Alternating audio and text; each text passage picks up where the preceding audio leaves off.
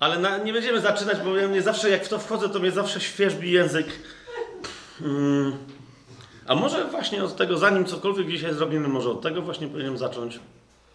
Może to jest właśnie dobra rzecz, żeby wszędzie to robić, we wszystkich biblijnych zborach.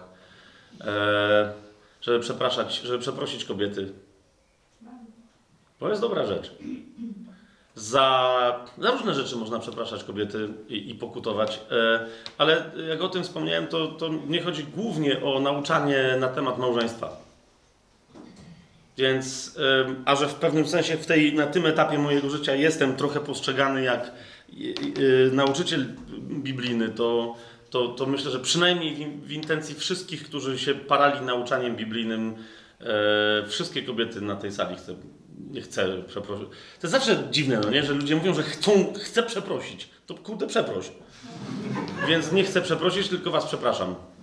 I, i pokutuję przed wami za, za kompletnie niezgodne z Biblią przez wieki trwające w biblijnymi, mieniącymi się biblijnymi zborach nauczanie na temat małżeństwa. Na temat de facto dominacji mężczyzny nad kobietą, męża nad żoną. Bardzo chcę Was przeprosić za to. Nie będziemy dzisiaj, e, chyba że później, na razie nie będziemy teraz rozwijać tego tematu, e, ale tylko chcę Wam zwrócić uwagę na jedną rzecz. Na przykład w liście do Efezjan to widać po prostu jak na dłoni, i potem sobie możecie sami to przestudiować, albo same to przestudiować. E, że Paweł mówi wyraźnie, że od samego początku Jezus na przykład, jak mówi o małżeństwie, mówi od początku tak nie było, kiedy go pytają o rozwody, tak? E, więc on tam sugeruje pewną rzecz, a Paweł to po prostu wyjmuje na wierzch i mówi: Ja wam teraz mówię o małżeństwie, ale tak naprawdę nie mówię wam o małżeństwie, ale mówię wam o kościele. Ponieważ małżeństwo zostało stworzone naturalnie od początku przez Boga jako prorocza zapowiedź tego, czym ma być Kościół. Tak? Kościół od początku był tajemnicą. Zresztą, wiecie, nasz kanał się nazywa Tajemny Plan. Tak? Jak, to, to pochodzi z trzeciego rozdziału listu do Efezjan. Ale, ale ta kwestia misterion w tym kontekście, co to jest ta, ten tajemny plan, co to jest tajemnica, to, to, Paweł w wielu miejscach wyjaśnia, że to jest tajemnica tego, że, że nie tylko Żydzi, nie tylko naród wybrany, ale i poganie mogą wejść do tego samego. Tak? Do tego, co, co Chrystus na krzyżu wysłużył, I co ten krzyż zrobił, rozwalając mur między Żydem a Grekiem, między narodem wybranym a narodami pogańskimi, że wszyscy mogą się znajdować w tym samym ciele i jest to ciało Chrystusa, a Chrystus jest jego głową. Tak? I teraz małżeństwo, małżeństwo od samego, ponieważ to była tajemnica i Paweł mówi, że to była tajemnica zakryta, nikt nie rozumiał tej tajemnicy. Nawet w czasach wiecie, po pięćdziesiątnicy y, wielu nadal nie rozumiało. Wie, wiecie, chcieli, żeby, żeby ktoś mógł być chrześcijaninem, że najpierw, żeby go obrzezać, żeby został Żydem. I stąd macie Pawła, który mówi, my jesteśmy obrzezani obrzezaniem duchowym i to wystarczy. Tak? Więc, więc to naprawdę była tajemnica i ona dopiero przez Pawła się, się objawiła, stała się naprawdę jawna e, wo, wobec także nawet aniołów, którzy też tego nie rozumieli. Ale jeszcze raz, zauważcie, jeżeli, jeżeli my w tym kluczu widzimy, a, a Biblia nam każe tak patrzeć, patrzeć na małżeństwo, jeżeli my w tym kluczu patrzymy na małżeństwo, to powiedzcie mi, w gdzie, w którym momencie i w jakim sensie Chrystus jest dominatorem Kościoła? Gdzie? W którym momencie i w którym miejscu Chrystus jest władzą autorytatywną dla Kościoła. W sensie, w sensie, wiecie, jest absolutnym autorytetem. Mi nie o to chodzi. Tylko, tylko gdzie, kiedy, w jakim miejscu, czy chociaż przez sekundę był, jest, czy będzie dla Kościoła kimś w rodzaju, wiecie, władcy absolutnego typu, nie wiem, Ludwik tam XIV. Dyktator jakiś, tak? Absolutnie nigdy. Absolutnie nigdy. Absolutnie nigdy. I dlatego ostatnio Reinhardt chyba opowiadał o tym, tak? Gdzieś tam w jakimś takim, wiecie, państwie, gdzie, gdzie z natury mężczyźni uważają, że mają prawo do kobiet. Jeżeli wiecie o co mi chodzi, tak? Przyszedł do niego jako do proroka jakiś mąż, ciągnąc żonę za sobą, za rękę, tak? Eee, I e, przyszedł do, do niego i mówi: Powiedz jej coś. Bo, bo mnie nie słucha. Po, powiedz, ty jej coś powiedz, no nie? Przypomnij jej, jakie jest jej miejsce. I, I Reinhardt mówi, że normalnie w takiej sytuacji to najpierw by jemu wyjaśnił, żeby zamknął jabłko, i, bo ona też umie mówić, ale tu zauważył, że jest jakaś hardkorowa sytuacja, więc mówi do niego, ale to, co dokładnie chcesz, żebym jej powiedział? I on mówi, no, że mam mi być poddana. Kompletnie. Na co Reinhardt mówi, a dlaczego mam coś takiego mówić? No bo to jest w Biblii napisane. A co Reinhardt, a, a gdzie to jest napisane w Biblii? Bo... I gość, jak bardzo wielu biblijnych chrześcijan mówi, no gdzieś jest. Nie pamiętam teraz dokładnie gdzie, ale no, że musi być, nie? Przecież wszyscy tego uczą. I Reinhardt mówi, okej, okay, no to chyba wiem o co ci chodzi. Yy, ja otworzyłem sobie list do Efezjan, 5 rozdział, 22 werset, tak? I mówi, to chyba o to, o ten fragment ci chodziło. Żony, bądźcie poddane swoim mężom jak Panu. Bo mąż jest głową żony, tak? I on mówi, o, mówiłem ci, że jest gdzieś w Biblii. Nie? Mówi, mówiłem ci, że jest gdzieś w Biblii. I Reinhardt mu mówi, słuchaj, ale... Yy, ale to, ale to nie jest słowo do ciebie. Nie wiem, czy zauważyłeś. Ty mówi, ty jesteś chłop czy baba, bo nie wiem. Ja mówi, no przecież. Yy, mówi, no to, a tu jest napisane żony. Czy nie? To jest, to jest, słowo do ciebie? Ty jesteś żoną? Nie. Mówi, no to w takim razie to jest słowo do niej, niech ona se czyta. Ale mówi, niżej jest słowo do ciebie. Jest 25 werset, jest napisane mężowie. Więc mówi, co zaraz z nią pogadam, to sobie pogadam, ale tobie chcę powiedzieć, mężowie, miłujcie swoje żony tak, jak i Chrystus umiłował Kościół, wydając za niego samego siebie. Rozumiecie, tu na każdego chłopa wtedy trzeba przeczołgać na zasadzie, czy już był na Golgocie małżeńskiej. Czy w ogóle wszedł, wie, wiecie, na, zaczął wstępować na tą kalwarię, tak? Czy w ogóle wziął swój krzyż? Niektórzy strą oczy, zaraz tam inne rzeczy poprawiają. Bardzo dobrze. Bardzo dobrze. Kiedyś pamiętam, że z jednym gościem na ten temat rozmawiałem i to jest na, naprawdę, jak ktoś nie chce, to, to nie chce. Nie? I, I on tak pomyślał, chwilę pomyślał i mówi, a rozumiem, mówi. Czyli żona jest moim krzyżem.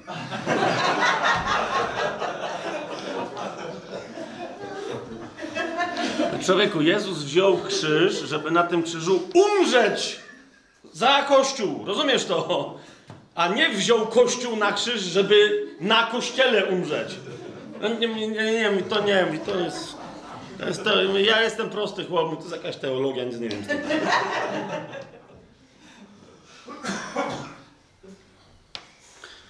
No, więc ja nie, nie wiem, co to się stało.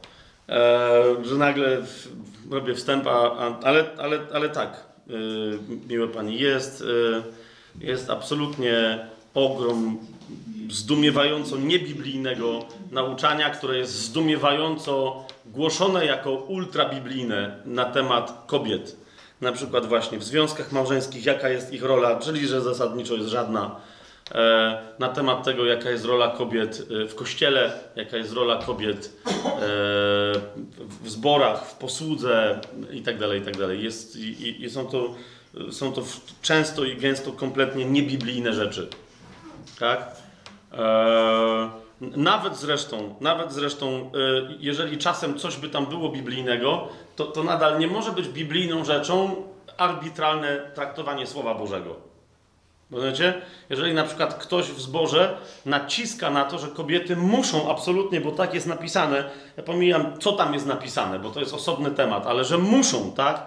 Kiedy się kobieta modli i kiedy prorokuje w zborze, e, e, że musi mieć nakrytą głowę. Wiecie o, co, o, o, który, o który fragment mi chodzi. Swoją drogą to jest interesujące, jak wiele zborów, które na to naciskają, następnie mówią, że kobieta nie może się w ogóle odzywać w zborze no to wtedy nie powinna mieć nic na głowie. Rozumiecie o co mi chodzi? Bo tam jest wyraźnie powiedziane, że kiedy się publicznie modli i prorokuje, tak? Jak jej się nie wolno odzywać, to po co ma coś nakrywać się na głowie, skoro jej się nie wolno? To albo jedno, albo drugie. Ci mówią, że jedno i drugie. Tylko mówię, nawet gdyby tak było, że te interpretacje są słuszne, tak? Nie, nie chcę się z tym kłócić. ale, ale y, ostatnio ci się ze mnie śmiali, że wymyśliłem nową, nową, nową, nowy ten, nowe e, sprzęty religijne dla protestantów. E, mianowicie szczudełka modlitewne. No bo, no bo słuchajcie, jeżeli mamy traktować się poważnie i naprawdę sprawiedliwie, jak należy, to jeżeli kobiety mają mieć te, te na głowie e, te, te zakrycia modlitewne, to zauważcie, że faceci też powinni poważnie podchodzić. Zgadza, zgadza się? No przecież oni mówią, że słowo. Słowo jest słowem. No to słowo jest słowem, to jest wyraźnie powiedziane, że mężczyźni jak się mają modlić? Mężczyźni niech się modlą z odsłoniętymi głowami, cały czas wznosząc czyste ręce ku niebu. Nie wiem, kto, kto z Was próbował w ten sposób, rozumiecie, w trakcie uwielbienia i ile, który z Was wytrzyma. Tu jest sporo kulturystów, jak widzę, ale obczajacie, jakby były takie szczudełki, takie pod łokieć, no nie? I wtedy możesz 45 minut ciągniesz jak nic, no nie? Możesz, możesz takie miał. Możesz miał żywe szczudełki, no ale to wiesz, no nie, nie handlujemy niewolnikami, spokojnie. Ale rozumiecie, to wiecie o co mi chodzi, tak? To w takim razie niech kobiety mają te nakryte jak muszą, ale faceci jak się modlą muszą trzymać ręce. Albo jak im opadną, to muszą skończyć się modlić. No i wtedy należy ich wyśmiać, co się tak krótko modlą. Wiecie o co mi chodzi? No, no albo jedno, to jest wyraźnie powiedziane, że mają wznosić jeszcze czyste ręce do nieba. Wiesz, jak on tam się pomodli trochę, on zaczął mu się pocić, musi się umyć i tak dalej. No to. Teraz oczywiście, że ja sobie teraz trochę kpię. Zauważcie, że ja sobie teraz tylko, tylko troszeczkę kpię, ale nie do końca, tak? Bo w momencie, kiedy o tym opowiadam, że szczudełka, że coś tam, że się musi umyć, to że no, przestań ale zauważcie, że dokładnie taki sam dziwaczny rodzaj skrupulantyzmu jest, jest e, zastosowany, kiedy chodzi o te wszystkie metody gnębiące kobiety de facto. Tak? Pokazujące im jedynie ich poddańczą, e, żeby nie rzec wierną poddańczą yy, rolę. Musi być w kościele porządek, musi być w małżeństwie porządek, muszą być zachowane pewne role i ja absolutnie nie występuję, wiecie, jako żaden profeminista. Tak? Nie, nie. Eee, ale, ale, ale myślę, że część nauczania na temat roli kobiet w kościele na, naprawdę nas obciąża jako ewangelicznie, biblijnie wierzących chrześcijan, naprawdę, e, wiecie, trwającym strukturalnie w nauczaniu grzechem. Po, po, po prostu. Gdzie Biblia była wykorzystywana do usprawiedliwienia pewnych kulturowych e, układów. Że po prostu, że kobieta ma mieć taką, takie miejsce, taką rolę, tyle. I teraz się znalazło parę fragmentów. Wiecie, w, e, chrześcijanie, e, to, to, to, dziś dopiero jest takie, wiecie, coś tam się przełamało, ale jeszcze w XX wieku było rzeczą normalną, na przykład, że chrześcijanie w, w ogromnej ilości zborów, że biali chrześcijanie nie modlili się z kolorowymi. Wiecie? To nie są tylko Stany Zjednoczone, to nie jest tylko RPA z apartheidem. W wielu, wielu, wielu, wielu krajach. Tak? Ja już nie wspomnę, że, że pomijam którzy, ale Zinzendorf z nimi walczył, tak? Jedni, jedyni z Hernhut y, wysyłający y, bracia morawscy, jeżeli ktoś zna tę historię, wysyłający misjonarzy, rozumiecie, to byli pierwsi biblijni chrześcijanie. To weźcie, kiedy był Luther, wiecie, kiedy był Wesley, nie Wesley, tylko Hus na przykład, kiedy, i teraz weźcie tu, tak, ile set lat później pierwsi biblijnie wierzący chrześcijanie stwierdzili, że można głosić Ewangelię Murzynom, Indianom i tak dalej, mimo że są kolorowi. No czujecie to? To jeszcze raz, ale nawet ten, nawet ten dziwaczny, yy, kulturowy yy, przesąd został zwalczony, a zauważcie, jak przesąd co do kobiet w wielu miejscach dalej trwa. Jakby, jakby to było po prostu u, uwalenie kobiety w kościele, jakby było najważniejszą rzeczą, po co przyszedł Pan Jezus. I, i, i druga rzecz, rozumiecie? Cy, cytaty pochodzące zasadniczo ze świętego Pawła, tego samego, który mówi: Nie ma już mężczyzny, ani kobiety, Żyda, ani Greka, tak? I, I, nikt nie widzi tam sprzeczności, żeby chociaż wyjaśnić, to w takim razie, w którym miejscu Paweł się pomylił. Wiecie o co mi chodzi? No bo gdzieś się musiał chłopak machnąć, tak? Czy o co chodzi? A, bo tu jest pewien symbol. No ale czego? No ale czego? Jak on mówi, że to jest zasada nowego stworzenia, że nie ma Żyda, ani Greka, mężczyzny, ani kobiety. Mówi, to jest zasada nowego stworzenia. Ty, czy jesteś kobietą, czy mężczyzną, jesteś tak samo nowym stworzeniem jak ja. Rozumiesz? Z tego powodu, kiedy powstaniemy w nowych ciałach, kiedy, kiedy, kiedy już będziemy po zmartwychwstaniu, Jezus mówi, że tam się nie będą żenić ani za mąż wychodzić. Z tego powodu. Ponieważ właśnie między innymi zasada płciowości zostanie inaczej potraktowana po zmartwychwstaniu. Okej, okay, dobra, ale to nie w tą stronę mieliśmy iść. nie w tą stronę mieliśmy iść. Wracamy jeszcze raz. Panie, przyjmijcie to mm, ode mnie. Wczoraj żeśmy trochę mówili na temat konfrontowania się, poważnego konfrontowania się ze Słowem Bożym. Tak? I, i kwestionowania e, tego, co my przyjmujemy za pewniki, tylko dlatego, że ktoś nam powiedział, że to jest biblijne. Po, po prostu. Więc jeszcze raz, to co teraz powiedziałem, ktoś się może z tym nie zgodzić i możemy potem siąść i absolutnie, jeżeli, jeżeli, jeżeli ja zobaczę w Biblii, że to co teraz powiedziałem jest niebiblijne, tutaj komuś buty ucałuję, jeżeli będzie trzeba. Rozumiecie? Naprawdę, położę się i będę buty całować. Bo nie ma niczego ważniejszego jak wierność Słowu Bożemu tak? Ale naprawdę musimy wziąć całe Słowo Boże i zobaczyć, co ono mówi. Jeżeli, jeżeli twierdzimy, że Słowo Boże coś mówi, a potem okazuje się, że ta teza stoi w jawnej sprzeczności z innymi prawdami zawartymi w Biblii, to znaczy, że mamy problem ze swoją tezą. Ponieważ Biblia z każdej strony się zapina. Biblia jest spójna. To jest słowo objawione, Boże, objawione Ducha Świętego, który, rozumiecie, który jest nieomylny.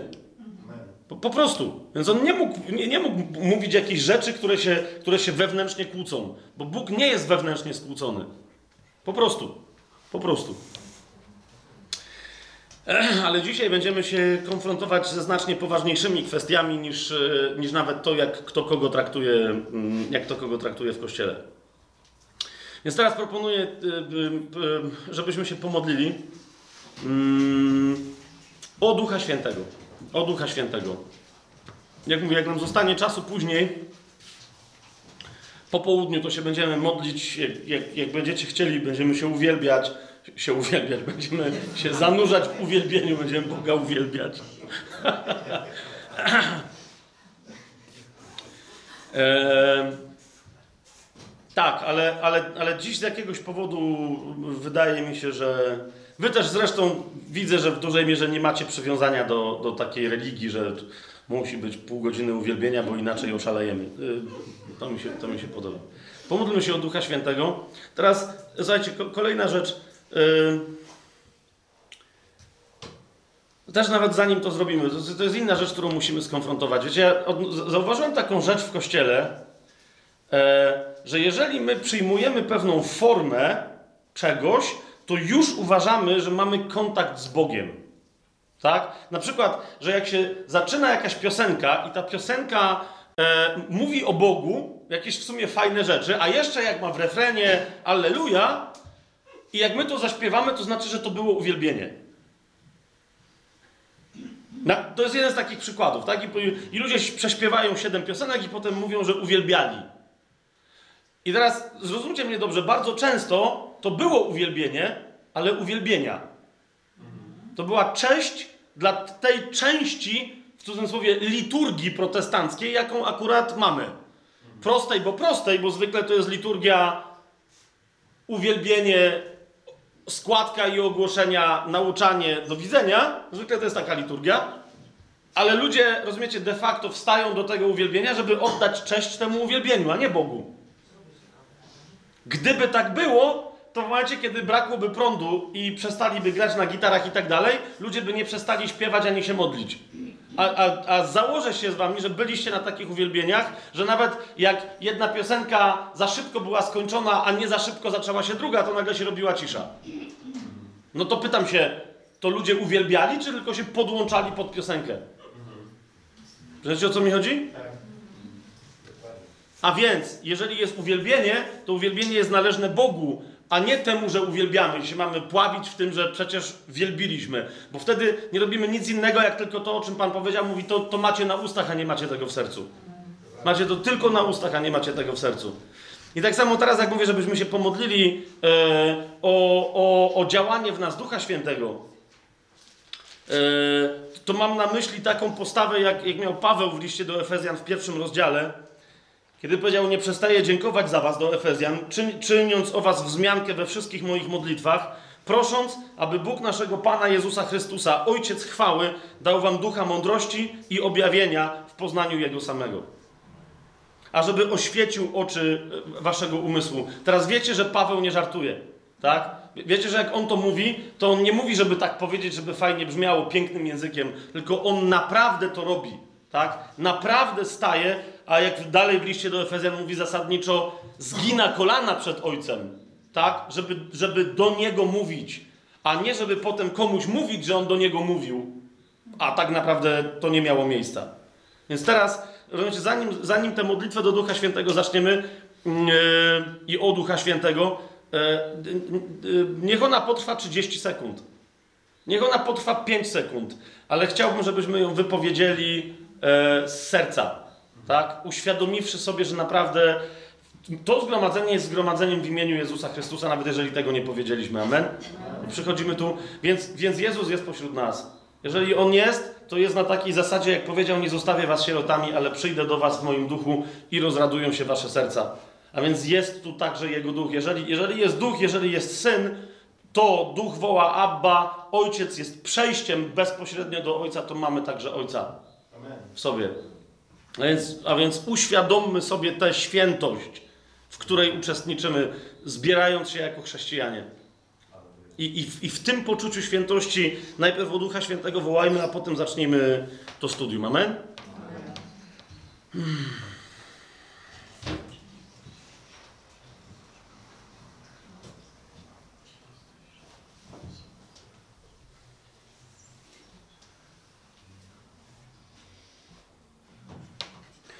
Ojcze, w imieniu Jezusa Chrystusa i w Duchu Świętym dziękuję Ci za Twoją obecność w nas.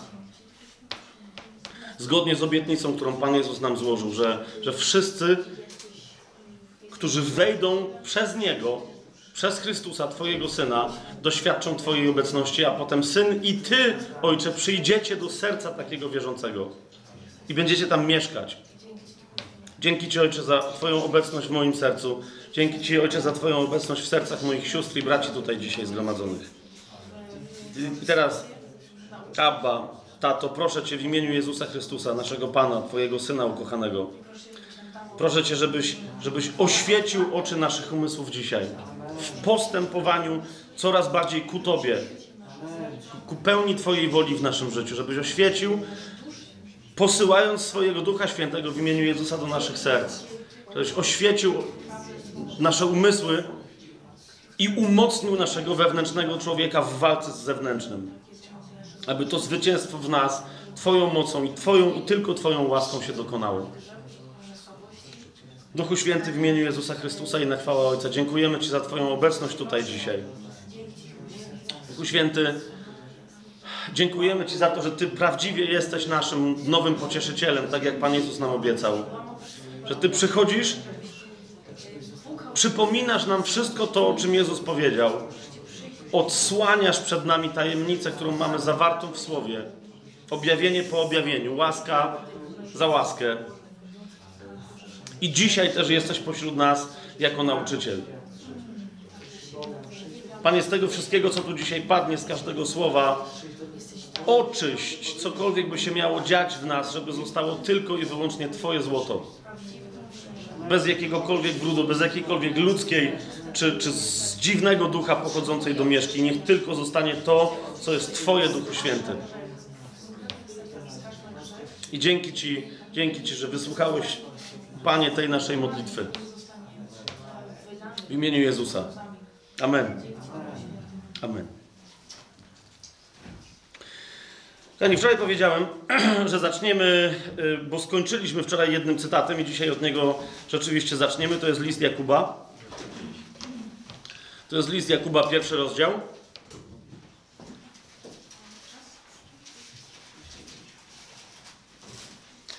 Wersety 22 do 25.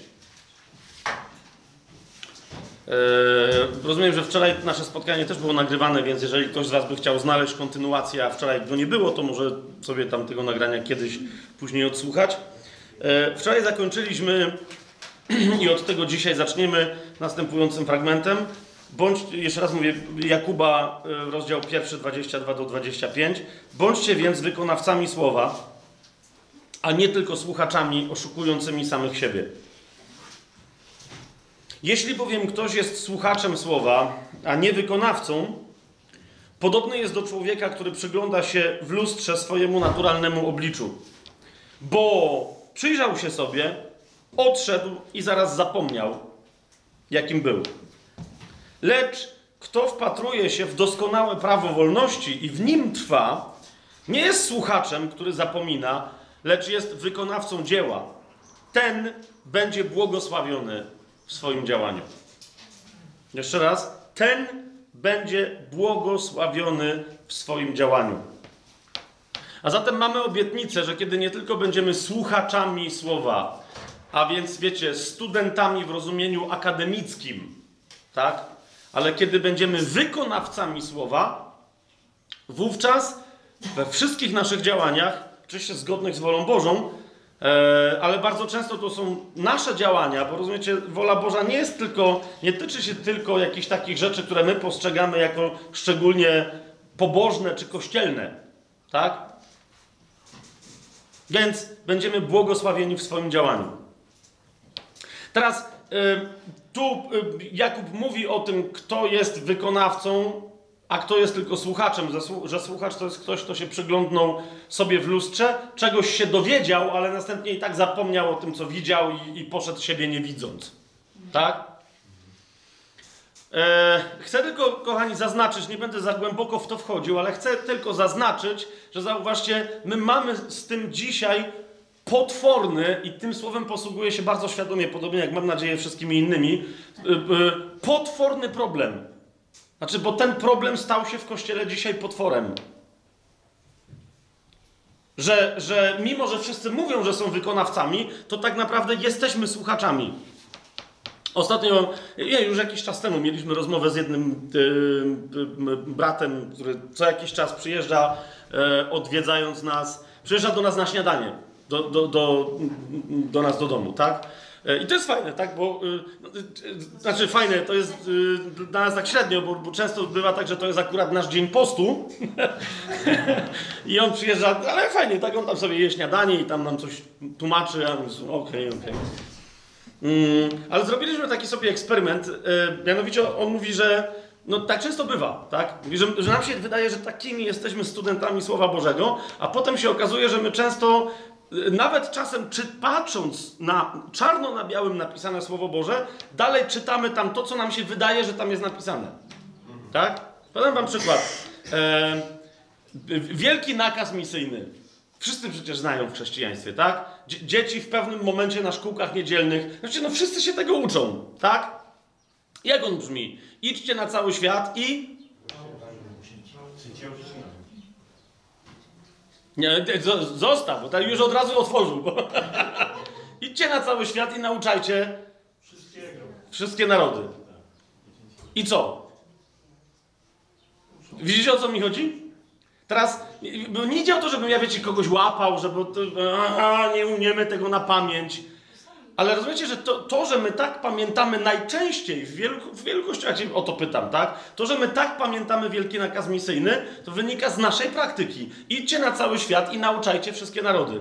Nawet jeżeli niektórzy mają tłumaczenie, to całkiem słuszne, bo tamten wyraz mówi o, o praktykowaniu, czyli czyńcie uczniów, idźcie na cały świat i czyńcie uczniów z wszystkich narodów, tak? E, to nadal zauważcie, jakie ktoś dzisiaj w Polsce XXI wieku ma wyobrażenie na temat uczenia się. Z całym szacunkiem, tak? Ale większość z nas, jak tu jesteśmy, spędziliśmy jako uczniowie paręnaście lat przynajmniej swojego życia. Tak, ja jeszcze chodziłem 8 lat do podstawówki, tak? Potem chodziłem 4 lata do liceum. To już macie 12 lat, kiedy wszyscy mi mówili, że ja się uczę, że jestem nauczany i że jestem uczniem. Moje skojarzenie, o ile nie było klasówki, kartkówki, albo nie groziło mi odpytanie przy tablicy, to nudziłem się jak mops. Po, po, prostu myślałem, że mnie trafi, tak? Nie wiem jak jest teraz w szkole, ale ja pamiętam, że wiecie, bywało, że mieliśmy 7-8 lekcji w ciągu dnia. 45-minutowych oczywiście, tak? No ktoś chce mi powiedzieć, że to se... No chyba, że w środku było ZPT na przykład. Ktoś pamięta, co to było ZPT? Zajęcia praktyczno-techniczne. No i wtedy pilnik. Jaka to była odmiana, no nie? Po dwóch lekcjach polskiego, geografii, wiedzy o społeczeństwie, I wtedy nagle ZPT. Yes! Wreszcie tylko dziewczyny. Okej. Po... Nie, nie, dziew... nie, dziewczyny też musiały pilnować. To, to jeszcze był komunizm dziewczynom. Gdzie nie mia... Dziewczyny nie miały dziewczęcych. Co to? Wszyscy wie, jak łopata to łopata, jak pilnik to pilnik. Jak na drutach to wszystko. I, I wiecie, potem ktoś mówi, że no ale wiesz, bo to jest idź, no, a to jakoś inaczej to wygląda na, na, e, w świecie akademickim. Na studiach jest to samo. Wszyscy siedzą i słuchają, ktoś tam coś do nich pitoli, tak? Wy, wybaczcie mi określenie, niektórzy się czasem gorszą, jak tak mówię, ale w, w hucie pitolenie oznacza po prostu, wiecie, takie trochę bredzenie bez sensu, którego nie do końca się słucha, tak? Jak tam Stefan? No był, coś mówił, a coś tam pitolił. To znaczy, że, to wiecie, no coś tam gadał, ale to nie było nic istotnego. Cokolwiek, rozumiecie, kolokwia na studiach, to przecież to są normalne yy, klasówki, tak? I każdy wie, że ty masz się nauczyć do tego momentu tak, żeby jak pykniesz, no to potem, żeby sobie zapomnieć, po co sobie zaśmiecać głowę. To trzeba zaliczyć, a to nie jest do czegoś ci jest do jakiejś wiedzy potrzebne. No wiecie o co mi chodzi? To jest cały czas ta postawa. I teraz rozumiecie, że my ją mamy w chrześcijaństwie. Zobaczcie sobie Ewangelię Mateusza ze mną. Tam, gdzie jest y, ten wielki nakaz misyjny Jezusa, to jest sam koniec Ewangelii. I zobaczcie, zobaczcie, jak brzmi. To jest szokujące dla niektórych ludzi, tak? Którzy słyszą to po milion razy w kościołach, ale jak sobie wreszcie z tego zdają sprawę, zauważcie, jak on brzmi. To jest 19-20 werset 28 rozdziału Ewangelii Mateusza. Idźcie więc i nauczajcie wszystkie narody. Y, I teraz jest pytanie, nauczajcie, bo potem macie y, formy ciągłe czasownikowe, czyli w jaki sposób. I Jezus mówi na dwa sposoby. Po pierwsze, chrzcząc je w imię Ojca i Syna i Ducha Świętego. Po drugie, uwaga, ucząc je przestrzegać wszystkiego, co wam przykazałem. Ups. Ups. Z tego by wynikało, że w naszej szkole jedynie WF był zbliżony do tego, co Pan Jezus tu powiedział. Rozumiecie? ZPT nie zawsze, no nie? Przynajmniej ja miałem doświadczenie ZPT takie, że y, zwykle to taki mądry facet prowadził, który wiedział, że no jak ma oceniać, wiecie, umiejętność właśnie posługiwania się pilnikiem u jakiegoś harpagana, który już pracuje u swojego ojca w warsztacie i u, wiecie, prymuski z naszej klasy, dziewczynki, która po prostu się boi, że coś w rękę zrobi, tak? Więc on tam machał ręką, wszyscy mieli piątki z ZPT. Wie, wiecie o co idzie, nie? Albo jak widać było, że ktoś naprawdę na piątkę nie zasługuje, to mówi, no to przygotujcie to w domu i potem ocenię pracę, tak? I na przykład mój tata, y, k- który był y, y, y, meblarzem, malarzem i tak dalej, nie tylko mnie, ale jeszcze paru innym kumplom z klasy robił, wiecie, jakieś tam rzeczy. On miał cały warsztat stolarski w piwnicy, więc on nam wszystko robił. Myśmy potem przychodzili, że tu pracowałem. No ile to było roboczo godzin, się pyta mnie pan profesor. Ja że nie, że za 17, 5, bardzo ładnie, tak? On i tak wiedział, znali się z moim ojcem. No wiecie o co chodzi, no nie? Była fikcja. Ale na WF-ie wi- widzicie, że ja zasadniczo nie na jakiegoś specjalistę nie wyglądam od wychowania fizycznego. I za młodu, aż dopóki nie zacząłem grać prawie że profesjonalnie w ping-ponga, to też było tak średnio. E, także do siódmej klasy, kiedy nie radykalnie schudłem, to na przykład w szóstej klasie, wiecie, skok przez kozła, a nie było zmiłuj się. Wiecie o co mi idzie, tak? Ile, czym i jak się rozczasłem na tym koźle, nie będę wam opowiadał, ale no po prostu, no pan od WF-u mi nie mógł dać piątki. Wiecie o co chodzi? No, po, no bo to było jasne, musisz skoczyć na tej wysokości. I koniec. Jak nie, to czwórka. No to co, co, co ci na to poradzę? Ale to wiesz, to były jedyne praktyczne zajęcia. Nawet jak ktoś się uczył języka, no ja się języka rosyjskiego uczyłem przez 12, nie, nie 12, bo się chyba od piątej klasy czy czwartej zaczynał. No to wiecie, jak byłem w liceum w drugiej klasie, w pewnym momencie wreszcie, bo zawsze na, na języku rosyjskim udawałem naprawdę, czego ja nie robiłem. Ale pojawiła się kiedyś czytanka, e, która brzmiała, e, w sensie to było, że ze słuchu, tak? I pani może mnie odpyta ze słuchu. Więc, więc mówi, to jest tytuł teraz, tak? I mówi Warabiej. No więc pomyślałem, rosyjski jest podobny do polskiego i jej przetłumaczyłem w Arabii. Teraz ja wiele z rosyjskiego po tych wielu latach uczenia się naprawdę nie wiem, ale tam to zapamiętałem, że Warabiej to jest wróbel, okej? Ale moje tłumaczenie było w Arabii. Więc pani miała polewkę, bo nie powiedziała mi, że to jest wróbel, tylko mnie utwierdziła w przekonaniu, że no to w Arabii. Tak i dalej mi czytała, a ja rzeźbiłem opowieść, wiecie, o, o, o księciu arabskim. Ale teraz zauważcie, no to było ile klas w podstawówce? Ja byłem w drugiej klasie liceum i tyle wiedziałem z rosyjskiego, tak? Rozumiecie o co chodzi? No to, no to jak to się stało, że ja przechodziłem z klasy do klasy tak naprawdę nic nie umiejąc? Ile macie dzisiaj dzieciaków, które wychodzą mając niemiecki, angli... O, dobra, teraz to są korepetycje, to, to teraz jest poważniej. Ale roz... no wiecie o czym gadam, tak? Nauczanie jest pewnym procesem dyscyplinarnym, przez który przechodzi całe nasze społeczeństwo, ale w ramach którego zasadniczo chodzi o to, że tym, czego trzeba ludzi nauczyć, to jest pewien drill społeczny.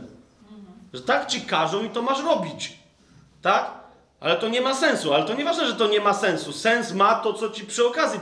No bo, no bo jaki to ma sens, że, że jest założenie, że wszyscy tu jak siedzicie, na pewno jesteście tak do siebie podobni, że nauczycie się języka w tym samym tempie. Albo geografii, albo chemii. A zobacz, takie jest założenie w szkole. Wiesz o co mi chodzi? Że dzieci, które zaczynają we wrześniu, powinny być w czerwcu tak samo rozwinięte. No może nieco mniej, na piątkę albo na trójkę, tak? Ale idą w tym samym tempie. Serio? W ramach języka polskiego wszystkie lektury w podstawówce miałem przeczytane w czwartej klasie, do ósmej. I potem się nudziłem na języku polskim, tak? I czytałem lektury z liceum. Ale z drugiej strony chemii nienawidziłem po prostu jak... Wiem, wiem, że jest trochę chemików, także dlatego podziwiam cię, Tomek, szacunek, no nie? Ale to było dla, dla mnie przerażające, to jakieś liczenie jakichś atomów, weź, że się ogarnij, no nie? Mogę ci powiedzieć, co było we wszystkich częściach chłopów, no nie? Ale weź, jakiś tlen, weź. I znowu chcecie mi powiedzieć, że wszystkich, dla wszystkich ten sam materiał zawsze będzie tak samo przydatny, tak samo interesujący? Wiecie, to jest absurd kompletny. Ale wszyscy no ale jakoś nie ma niczego lepszego. Potem normalnie w życiu nikt nie ma już drugi raz takiego systemu. Zauważyliście? W biznesie, w wojsku, w rodzinie i tak dalej. Nikt nie ma systemu, w ramach którego, rozumiecie, wkłada 500 ludzi, 1000, setkę ludzi, czy nawet dziesiątkę w te same ramy czasowo-materiałowe. Ale jeszcze raz, bo nie chodzi, ja tu nie stoję teraz po to, żeby krytykować, rozumiecie, jakiś system edukacyjny, bo co mnie to obchodzi? Ja mówię o tym, że my mamy, no bo pytanie brzmi, skąd się to nam bierze, że mamy dokładnie czasem takie samo wręcz podejście w chrześcijaństwie. Wiecie, że ludzie mogą być dojrzali w momencie, jak przerobią materiał jakiś. A co to znaczy? No, no zauważcie te wszystkie nasze materiały do uczniostwa, do, wiecie, do, do, do pierwszych 10, 7, 58 kroków dla, wiecie, nowonarodzonych. Nie, to, to jest zawsze książka z materiałem do przerobienia. I na końcu są pytania, tak? Ale pytania, w ramach których już masz wcześniej w materiale ostrzeżenie, że są słowa kluczowe. Tak? I potem ty na końcu tylko jak znasz odpowiedź, to jak wiesz, co tam jest, tak? To jak wiesz, to, czyli jak Bóg umiłował świat. Podpowiedź Jan 3,16. Także syna swego jednorodzonego dał. Pięknie! Rozumiesz? To jest to samo. I teraz niektórzy mówią, no dobra, ale to, to, to nie jest tak, że to jest kartkówka, ja to, ja to muszę pamiętać na całe życie. Rozumiesz? Wolę chrześcijanina, który tego nie pamięta, ale który przyjmując Ducha Świętego, czytając choćby dwa zdania z Biblii, zaczął je wprowadzać w życie. I nie poszedł krok dalej, rozumiesz, dopóki nie zaczął przestrzegać tego, co Jezus nam zostawił. Wyobrażacie sobie sytuację, mniejsza o to, gdzie to było, zwłaszcza, że to, że to akurat wspaniały zbór był, tak? Ale jednak zdarzyła się taka sytuacja, yy, nigdy wcześniej coś takiego mi się nie zdarzyło. Nigdy wcześniej. Yy, mianowicie, w pewnym momencie powiedziałem, że muszę, że w ogóle Duch Święty mnie wcześniej ostrzegł i mówię, że no po prostu chcę zacytować wam nieco dłuższy fragment. Trzy rozdziały. taki, był, taki był cytat. Tak? E, niezłe w tym wszystkim było to, e, że, że w pewnym podszedł. E, nie wiem dlaczego, tak? Bo to ja powiedziałem, że to będzie cytat, tak? Ale podszedł, wiecie, klawiszowiec z zespołu uwielbienia i zaczął podgrywać pod ten cytat. I zrobiło się jakoś tak czadersko. Co to były za trzy rozdziały? Kazanie na górze Pana Jezusa. Teraz miałem, tam, było różne, tam były różne ciekawe reakcje, bo to było między innymi, mówiliśmy a propos tego, ucząc je przestrzegać wszystkiego, co ja wam przykazałem. Tak? I teraz tam były dwie reakcje bardzo interesujące. Mianowicie, jedna absolutnie, e, absolutnie przeuczciwa, szczera do bólu i mocna. Druga, no właśnie, ta, ta pierwsza, podszedł w momencie tam jeden, jeden, jeden y, mężczyzna do mnie i mówi, mówi Fabian, y, przesłuchałem pierwszy raz w życiu chyba kazania na górze jako czegoś, co Pan, nie jako opowieści Pana Jezusa, bo On był złotousty, tylko jako czegoś, co On mi przedstawił jako drogę życia. Pamiętacie, jak się kazanie na górze kończy? Tak więc, kto przestrzega tych moich słów, buduje na skalę, kto nie, buduje na piasku. To jest zaraz, pamiętacie, po ostrzeżeniu, że wielu wtedy, wtedy stanie przede mną i powiedzą, Panie, Panie, czy nie prorokowaliśmy w Twoje imię, czy nie, czyni, no, nie wyrzucaliśmy złych duchów, czy nie czyniliśmy cudów w Twoje imię, a ja im powiem, ponieważ Was nie znam, tam jest dokładnie w oryginale taki tekst, idźcie precz ode mnie, ponieważ Was nie znam. Nie wiem, co Wy mówicie. W moje imię, korzystając z mojej mocy, mogliście robić te rzeczy, ale nie robiliście moich rzeczy. Więc teraz rozumiecie, w tym duchu ten gość tego posłuchał od początku do końca. Od początku od błogosławieństw, aż do tej, tego podobieństwa o, o budowaniu na piasku i na skale. Całych trzech rozdziałów podszedł i mówi, Fabian, e, to jest dla mnie, nie w sensie, żebym o tym nie wiedział, ale w sensie praktyki życiowej to jest dla mnie tabula rasa, to jest kompletnie czysta karta. Rozumiesz? Dla mnie do tego momentu to były teorie. Wyobrażacie sobie taką historię? Ale teraz jeszcze raz. E, nie, nie, nie ma co, żebyśmy sobie wyobrażali jakiegoś chrześcijanina z jakiegoś zboru. Wiecie o co mi idzie? Pomyśl o sobie. Ja, bo ja zresztą nawet czytając wtedy te, te, te, to kazanie na górze, te trzy rozdziały, e, ja to czytałem sobie. Tak? Powiedziałem wyraźnie, że ja to czytam sobie. Kolejny raz. Ale ten gość przyszedł i mówi, posłuchaj, dla mnie od początku do końca, ja nie wiem w ogóle, tego nie ma w moim życiu. To jest w mojej głowie. To może jest w moim sercu, bo jak tego słucham, to sobie myślę, wspaniale. Ale mówi, co w ogóle się dzieje? Począwszy od pierwszego błogosławieni, żebrzący w duchu. Ja już pomijam, że niektórzy nawet, wiecie, ubodzy w duchu i, i wszyscy przechodzą, są tacy, co ci z pamięci o, o, osiem błogosławieństw i więcej e, potrafią przytoczyć, ale potem jak zapytasz, ale o co dokładnie chodzi? Rozumiesz, bo tam jest Jezus, tam mówi wyraźnie, że człowiek szczęśliwy to jest ten, który jest w tych powszechnych tłumaczeniach ubogi w duchu, a w tym dosłownym, właściwym tłumaczeniu tego, co tam jest powiedziane, który żebrze, jest tak biedny, że żebrze w duchu. Co to znaczy? Ja wiem, że jak jesteś taką osobą, to jesteś szczęśliwa, to jesteś szczęśliwy. To, Jezus nas tu nie, nie, nie wzywa, no właśnie, bo potem następnego dnia też przyszedł do mnie drugi człowiek, o czym innym rozmawialiśmy, tam była mowa, no mniejsza o to, o czym była, bo znowu się, się okaże, że jakieś tam teologie, okej, okay. o czymś tam była mowa, ale w pewnym naprawdę to, co gadał, trochę mnie zdziwiło i mówię, czekaj, ale ty, ty słuchałeś na przykład wczoraj tych trzech rozdziałów yy, skazania na górze? Uważajcie na odpowiedź. Nie. Nie mogłem wytrzymać, musiałem wyjść. A dlaczego? No bo mówi, wiesz, straszną uczynkowością mi zaleciało, takim, wiesz, legalizmem.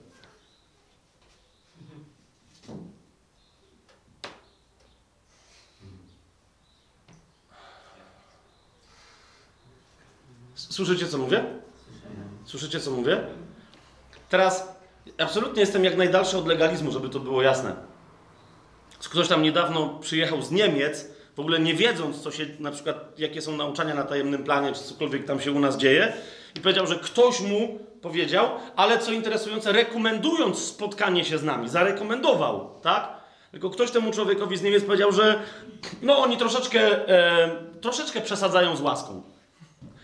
To nam trochę za dużo łaski, za mało pokuty. Nie wiem skąd, ale nieważne, mniejsze o to, tak? Bo, bo rzeczywiście uważam, że nawet rozumiecie, naj, najpotężniejsza pokuta, wierność Słowu Boże, to wszystko jest wynik łaski, niczego innego w naszym życiu. I nie możemy o tym zapomnieć. Tylko jeszcze raz, łaska nie jest pławieniem się w gnuśności. I jeszcze o tym będziemy więcej mówić. Je, naprawdę, jeżeli gdzieś się pojawia nauczanie o łasce, które zwalnia człowieka z odpowiedzialności za swoje życie i za współpracę w swoim życiu z łaską, to, to nie jest łaska. Wiesz o co mi chodzi? To ja- taka to jest łaska. Po to przyszła łaska, żebyśmy żyli w niewiedzy? Po to, że przyszła łaska, żeby, żeby nam brakowało poznania Pana? Jeszcze o tym mówię, jeszcze o tym będziemy więcej mówić i, i, i myślę, że Słowo Boże nam trochę więcej tego pokaże, tak? Ale nagle widzicie, pojawia się taka robota, że gdziekolwiek byśmy wskazywali właśnie na to, że my jesteśmy też wezwani do jakiejś roboty, to się wtedy pojawia według mnie diabelska robota, która mówi: dajże spokój z robotą, to jest legalizm. Tak? To jest legalizm. W momencie, kiedy ktoś chce coś zrobić, rozumiecie? I to nie, bo teraz nie idzie mi o to, że ja tobie każę coś zrobić, tylko ja ci mówię, że ja coś robię w swoim życiu. I już bywa, że jakiś chrześcijanin czuje się oskarżony tym i mi mówi, że to jest moja wina. Rozumiesz?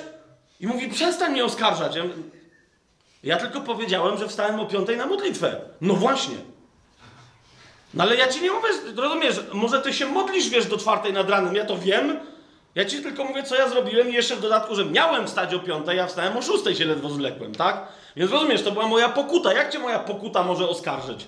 Znaczy, ja nie wiem, co ty w ogóle robisz na modlitwie. Łapiecie, o co mi chodzi?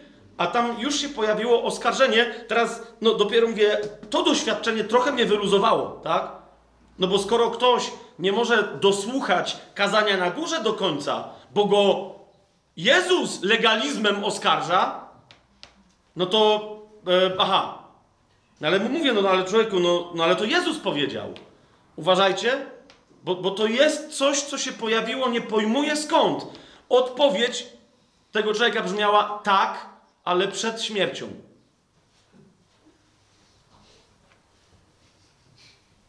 I? No i mówi, no ale później powiedział, wykonało się i już tyle. Mówi, my już żyjemy po krzyżu.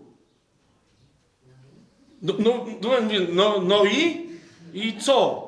No bo to jeszcze był Stary Testament. Tak, i dlatego faryzeusze Pana Jezusa zabili, tak? Bo głosił Stary Testament. No serio do mnie mówisz? Tam się pojawia, rozumiecie, wreszcie do niego zaczął, bo mówi, że no tak, bo to wszystko jest Stary Testament. Mówię, no to dobrze, no to czyli zasadniczo mamy Ewangelię Łukasza, jeszcze Jana, tu już jest list do Rzymian, to przesadziłem, to już jest Nowy Testament. To są dzieje apostolskie, też przesadziłem, ale zasadniczo z wyjątkiem paru kartek, mówię, posłuchaj, no to te cztery Ewangelie, bo to już jest parę kartek, gdzie się Pan Jezus pojawiał po zmartwychwstaniu. Ale tak plus minus mówię, harataj. To są cztery Ewangelie. To, to, jest, to nie jest tu, ale to też nie jest tu. Mówię, harataj. Ale to jest twoja Biblia. To sobie kupię nową. Z książka. Dajesz. Wy, wyrwij to, żebym ja zobaczył, że ty rozumiesz, co ty gadasz. No po, po, rozumiesz, no po co tu jest to zapisane? No i wtedy, dopiero wtedy ten, ten, tenże człowiek powiedział no okej, mówi, zamieszałeś mi w głowie. Lepsze to niż nic. Więc jeszcze raz, jeszcze raz, kochani. Jeżeli mamy być wykonawcami słowa, to, to Jakub się tylko i wyłącznie odwołuje dokładnie do tego, co Pan Jezus bardzo jasno i wprost wyraził. Idźcie i czyńcie uczniów z wszystkich narodów, chrzcząc je w imię Ojca i Syna i Ducha Świętego i ucząc je przestrzegać wszystkiego, co Wam przekazałem.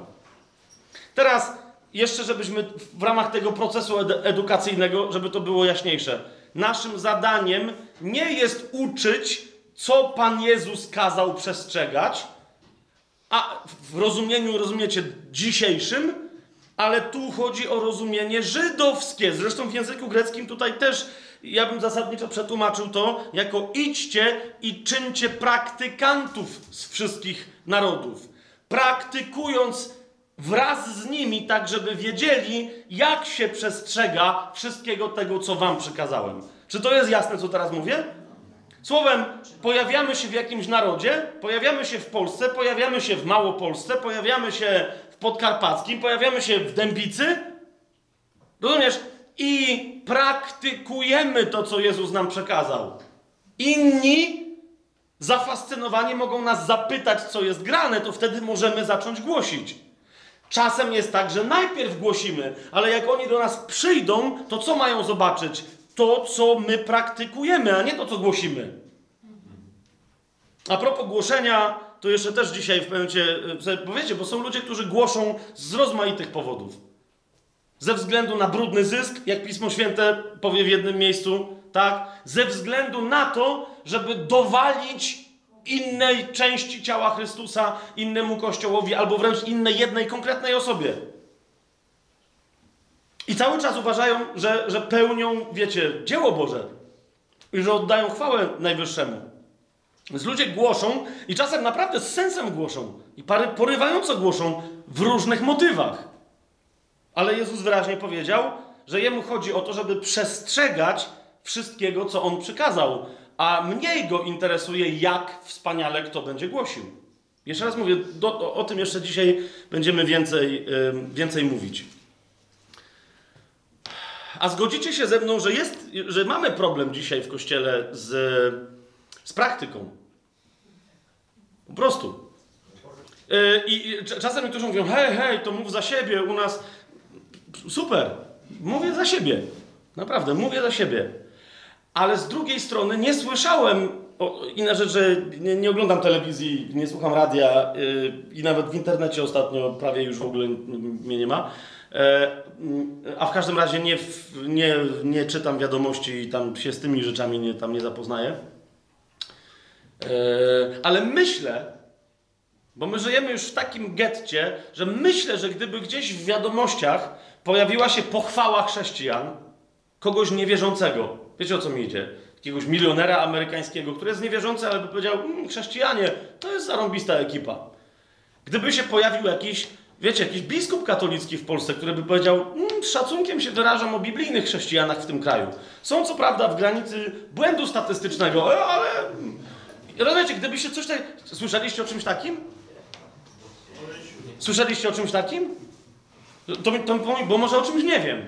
Ale teraz dlaczego ja o tym mówię?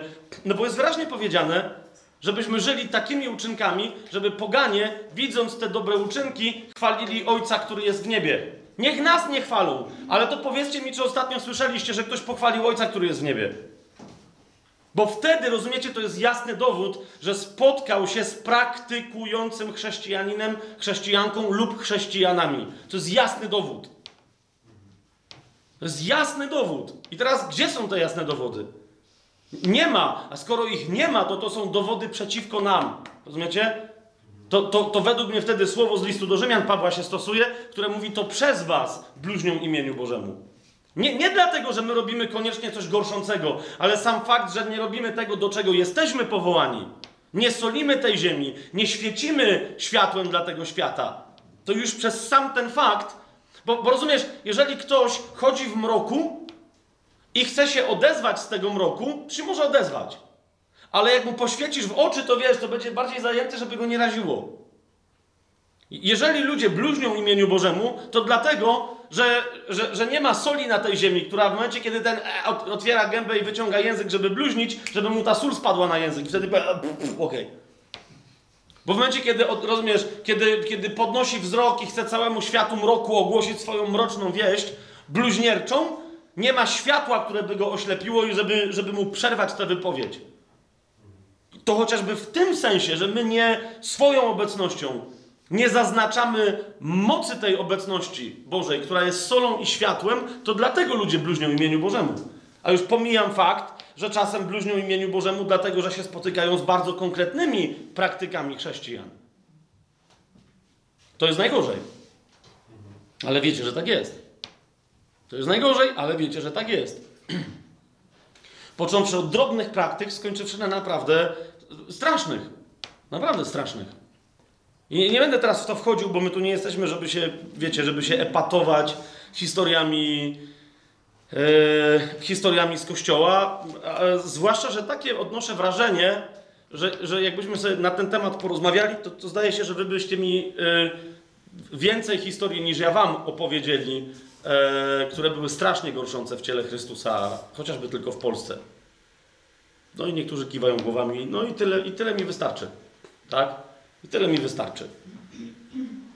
Najdziwniejsze dla mnie tylko jest to, że czasem chrześcijanom się wydaje, że no tak, ale to było w naszym środowisku, to wiecie, to jest, to jest, to jest dziwne, jak, o, o, jak trudno do świadomości opinii publicznej przebijają się wieści o, o naszej prawości, a jak natychmiast dowiaduje się znacznie szersza opinia publiczna, niż my sobie z tego zdajemy sprawę, o jakichkolwiek naszych, choćby drobnych niesprawiedliwościach i grzechach.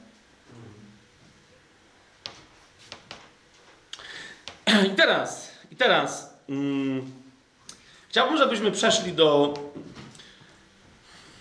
Bo, bo wiecie, bo, bo, bo, bo tu chodzi o wezwanie, do, y, y, bo pytanie nie chodzi o to, żebyśmy się, wiecie, zagnębiali tym, jak jest. To to mnie nie interesuje. No to jak jest, to każdy z was może powiedzieć, jaki jest stan kościoła, jaki jest stan naszych zborów. To wiecie, to my wszyscy jesteśmy cwani w tej kwestii. Pytanie brzmi, co może się z tym stać, żeby to się zmieniło. Wczoraj powiedziałem wyraźnie, że jest masa ludzi w Polsce jest masa ludzi tu dzisiaj siedzących, tak? Którzy, którzy mają przebudzenie w sercu, tylko nie wiedzą co, jak się z tym ruszyć, z kim się przyłączyć, co się, co się ma wydarzyć. Więc yy, oczywiście, że to na różne sposoby można powiedzieć, ale bardzo mocno mnie przycisnął Bóg. Naprawdę bardzo mocno mnie przycisnął Bóg, żeby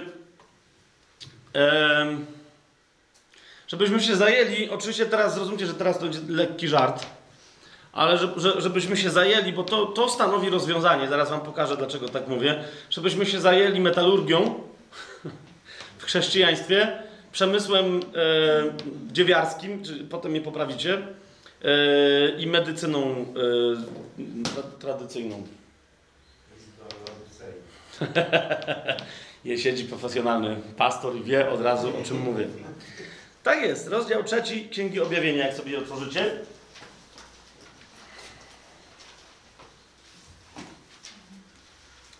Rozdział trzeci Księgi Objawienia.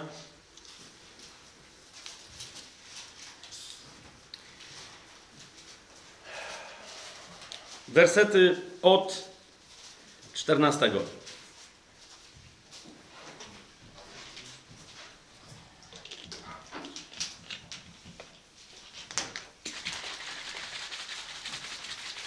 To nie jest technika homiletyczna, kaznodziejska, nic takiego, po prostu jest za bardzo nagazowane. Ja wolę mało gazowaną. Czasem ludzie mówią, co to było? NLP. Więc mamy w objawieniu świętego Jana, w rozdziale trzecim, w 14 wersecie, ostatni e, z listów, który zaczyna się następująco. A do anioła kościoła w Laodycei napisz, to mówi Amen. Świadek wierny i prawdziwy, początek stworzenia Bożego. Znam Twoje uczynki. Zanim pójdziemy dalej, zanim pójdziemy dalej, Pani, chcę Wam, chcę wam pokazać e, coś, bo wiecie, Wy znacie ten tekst. Jak tylko powiedziałem o tych trzech przemysłach, to już prawie wszyscy wiedzieli, że a, to, to, a, to wiemy o co chodzi. Tylko żebyśmy mieli właściwy kontekst, żebyśmy mieli naprawdę absolutnie właściwy kontekst, musimy najpierw sięgnąć do listu do Laodycejan. E, bo. A teraz. Nie, nie, nie będziemy sięgać do apokryfów. E, ponieważ jest napisany list do Laodycejan e, w Nowym Testamencie. Słucham? Okej, okay, bo widzę, że. Yy, Okej, okay, to, to, teraz o co mi konkretnie chodzi? To jest list do Kolosan. E, kolosy, Kolosa, jak tam chcecie odmieniać. Zobaczcie drugi rozdział listu do Kolosan, pierwszy werset. E, oczywiście jest to list do Kolosan, ale z pewnego względu ten list jest także do Laodycea. I zaraz zobaczycie, y, że to się wszystko wyjaśni. W rozdziale drugim tego listu, w pierwszym wersecie, Paweł pisze: Chcę bowiem, abyście wiedzieli, jak wielką walkę toczę o Was, o tych, którzy są w Laodycei i o tych wszystkich, którzy nie widzieli mego oblicza w ciele, ale ich serca były pocieszone. A więc zauważcie, pisze do Kolosan, ale mówi wyraźnie, wspomina wyraźnie Laodyceę. Jak wielką walkę toczę o Was i o tych, którzy są w Laodycei. Przejdźmy do rozdziału czwartego. Od 12 wersetu zobaczcie, co tam się dzieje. Pozdrawia was Epafras, który pochodzi spośród was, sługa Chrystusa, zawsze o to walczący za was w modlitwach, abyście byli doskonali i zupełni we wszelkiej woli Boga. Wydaje mu bowiem świadectwo, że gorliwie troszczy się o was i o tych, którzy są w Laodycei i w Hierapolis. Widzicie, te trzy miasta były bardzo, i cała ta y, okolica, cały ten region były bardzo mocno ze sobą związane, tak? Kolosanie, Laodycejanie i Hieraklańczycy. I teraz jeszcze jedna bardzo istotna rzecz, żeby już mieć naprawdę ostatni dowód na to, że list do Kolosan jest też listem do Laodycejan. Zobaczcie 15 werset. Pozdrówcie braci i 16. Pozdrówcie braci w Laodycei i Nimfasa oraz kościół, który się zbiera w jego domu. A kiedy ten list zostanie u was przeczytany, uważajcie, dopilnujcie, aby przeczytano go także w kościele w Laodycei, a wy, abyście przeczytali ten list z Laodycei. Słowem Paweł napisał dwa listy, tak? Prawdopodobnie bardzo do siebie podobne. Różniące się tylko pewnymi, wiecie, aspektami, na przykład pozdrowieniami, bo Epafras był jednak kolosaninem, nie był laodycejczykiem, tak? Chociaż kto wie. Więc tam mogły być jakieś różne rzeczy. Ale, ale list do Kolosan miał być do odczytania w Laodycei, był jakiś inny list Pawła do Laodycei, który miał być odczytany w Kolosach. Niemniej, jak widzimy wyraźnie z Nowego Testamentu, ten drugi list, Paweł coś tam napisał, ale ten drugi list nie był napisany przez Ducha Świętego. Nie był natchniony przez Ducha Świętego, bo inaczej by się znalazł e, w Nowym Przymierzu. A zatem, a zatem e, myślę, że należy uznać bardzo roztropnie, że natchniony list do Kolosan, ale także do Laodycei i do Hierapolis Pawła, to jest właśnie list do Kolosan, tak? Tam istniały bardzo podobne, ale to bardzo podobne układy, zjawiska. Oni widać, że się wymieniali między sobą posługą, znali się. Nie wiem, czy to jest, wiecie, taka sytuacja jak tutaj, tak? Że jest Dębica, Tarnów, Mielec. Rozumiecie? Nie wiem, czy to jest aż tak. Myślę, że oni byli ze sobą znacznie, znacznie bliżej. Ale nie będziemy teraz tego rozważać.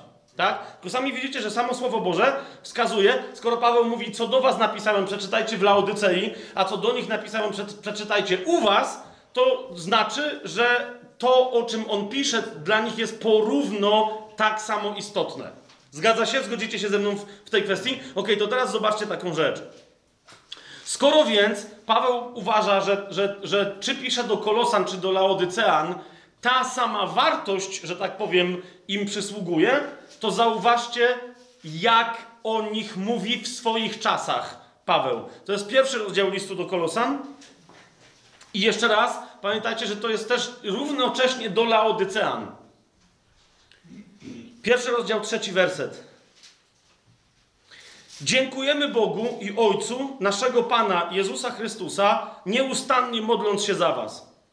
Odkąd usłyszeliśmy, uważajcie, o Waszej wierze w Chrystusa Jezusa i o Waszej miłości względem wszystkich świętych i z powodu nadziei odłożonej dla Was w niebie.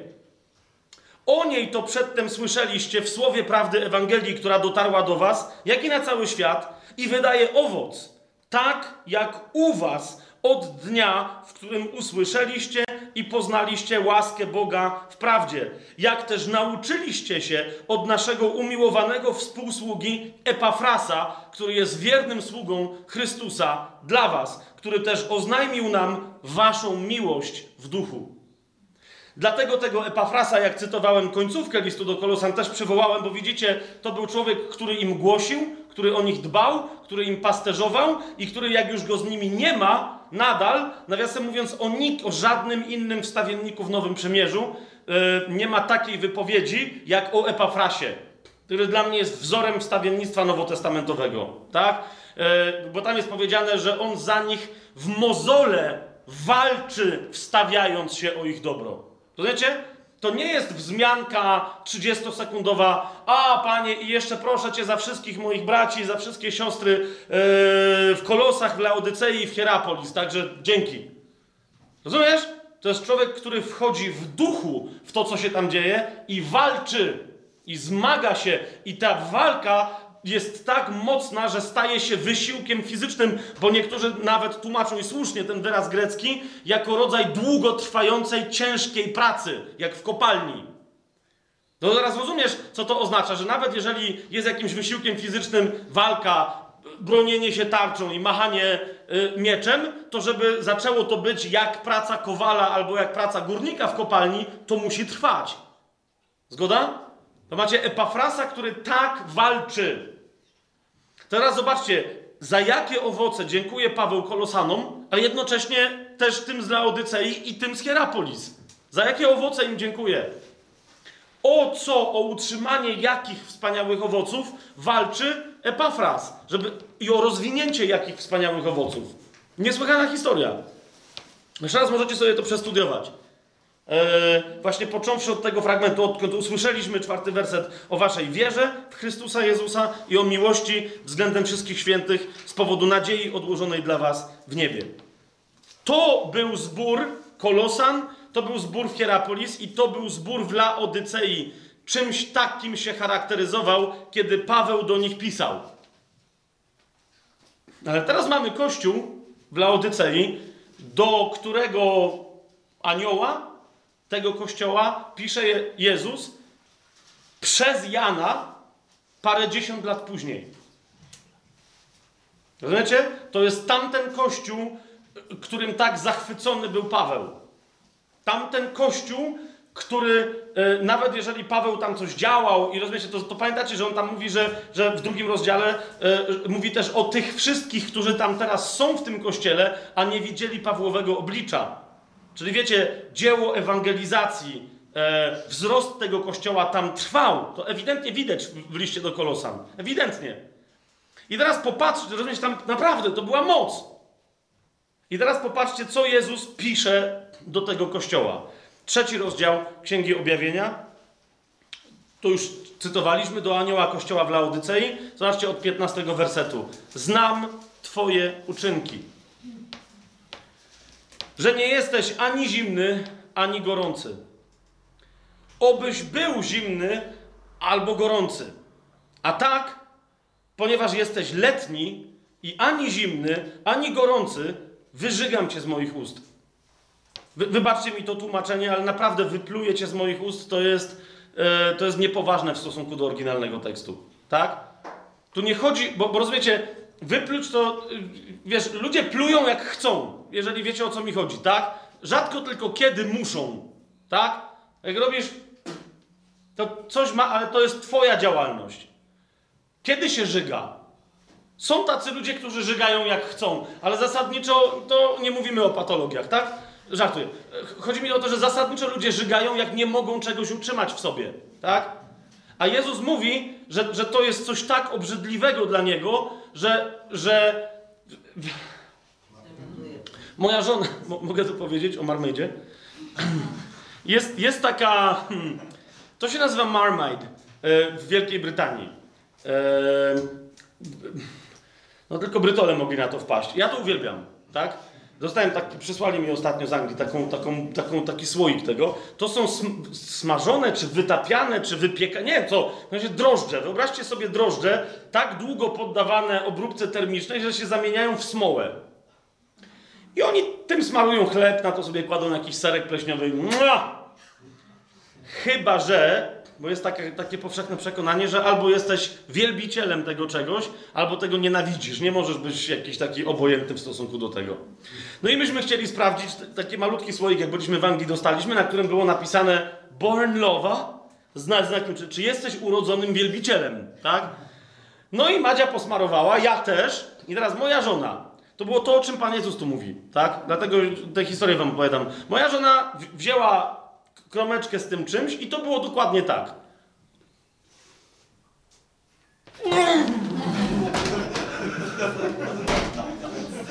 I nie będę wbiegał do łazienki i tam kontynuował, co się tam działo.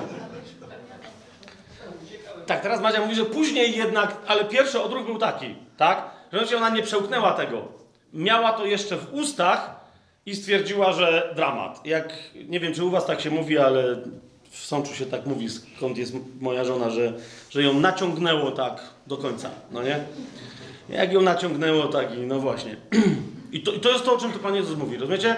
Że ja was mam w ustach i nie przełknę. Po, po, po, po prostu. Nie, i, I nie to, że ja was chcę wyrzucić, bo to wynika trochę z tego, wypluję cię z ich, ukażę cię, że wie, a, pff, poszedł, nie? Tylko to jest, nie utrzymam cię w ustach, po prostu cię wyżygam, tak? Tu jest mowa o odruchu wymiotnym. Naprawdę, zobaczcie sobie w oryginale. A więc mówi, a tak, ponieważ jesteś letni i ani zimny, ani gorący, wypluję cię z moich ust. Wyżygam cię z moich ust. I teraz Jezus uzasadnia, dlaczego tak jest. dlaczego letniość dla niego jest czymś gorszym niż zimno. Mówisz bowiem, 17 werset czytamy dalej, mówisz bowiem, jestem bogaty i wzbogaciłem się i niczego nie potrzebuję. A nie wiesz, że jesteś nędzny i pożałowania godny, biedny, ślepy i nagi. I teraz zrozumcie, bo my, ja sam się kiedyś przyłapałem na tym, że często czytam y, ten tekst y, i czytam go z wyrzutem. Jeżeli rozumiecie o co mi chodzi, z, tak, z wręcz z potępieniem.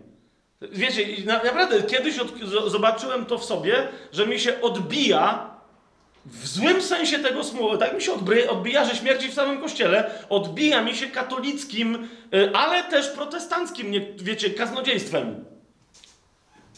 Wiecie, takim, takim kaznodziejstwem, takim pseudo-uświęceniowym, tak? Mówisz bowiem, jestem bogaty i wzbogaciłem się i niczego nie potrzebuję.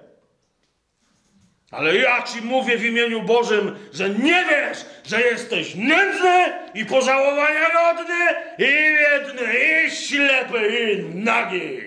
Wiecie o co mi chodzi? Nigdy tak nie mówiłem, ale to tam pobrzmiewało, no nie? Że na pewno tak Pan Jezus to mówi.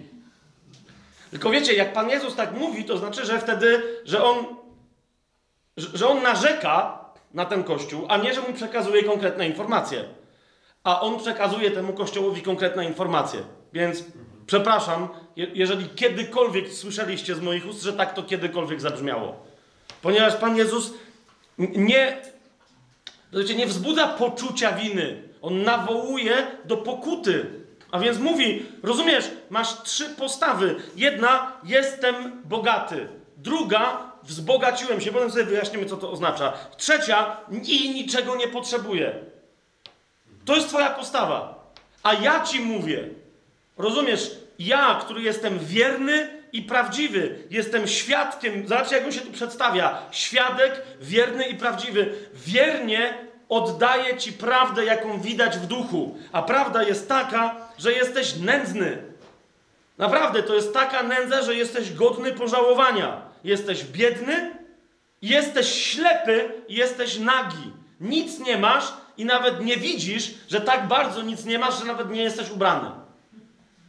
Pamiętacie bajkę o, o, o, o cudownych szatach króla, któremu tam jakiś kupiec mówił, że nikt tych szat nie widzi, tylko ale to są najpiękniejsze. No i ten szedł jak jeło, po prostu wiecie, cały goły, wszyscy się z niego śmiali. Tak? I to w pewnym sensie jest to, co tu Pan Jezus mówi temu kościołowi. Mówi, naprawdę wydaje ci się, że idziesz w pełni krasy swojej i w bogactwie i po prostu masz na sobie materiał, jakiego świat nie widział. Sęk w tym, że nie tylko świat, ale nikt go nie widzi. Jesteś nędzny, ślepy i nagi. I dalej, bo zauważcie, to jest niepra... Nie, dlaczego, dlaczego ja o tym mówię, że przepraszam, tak? Bo, bo, bo, bo Pan mi yy, całkiem nie, nie tak dawno pokazał i naprawdę to, to, mnie, yy, to mnie nawraca cały czas to słowo, że, że zauważcie od czego się zaczyna 18 wyraz, 18 werset do takiego wyrazu. Radzę Ci. I to znowu nie jest, wiesz, to nie jest takie, yy, no radzę Ci kolego, żebyś mi zszedł z drogi normalnie po no nie? To nie jest, wiecie, znowu to nie jest to, tylko tu jest naprawdę Rozumiesz, Jezus nie nakazuje. Bo wiecie, to jest takie radzę ci, ale w zasadzie ostrzegam cię. A tu w tekście jest naprawdę rada. Jezus absolutnie ma prawo jako Pan, jako Amen, jako świadek wierny i prawdziwy, początek stworzenia Bożego, ma prawo powiedzieć, nakazuje ci.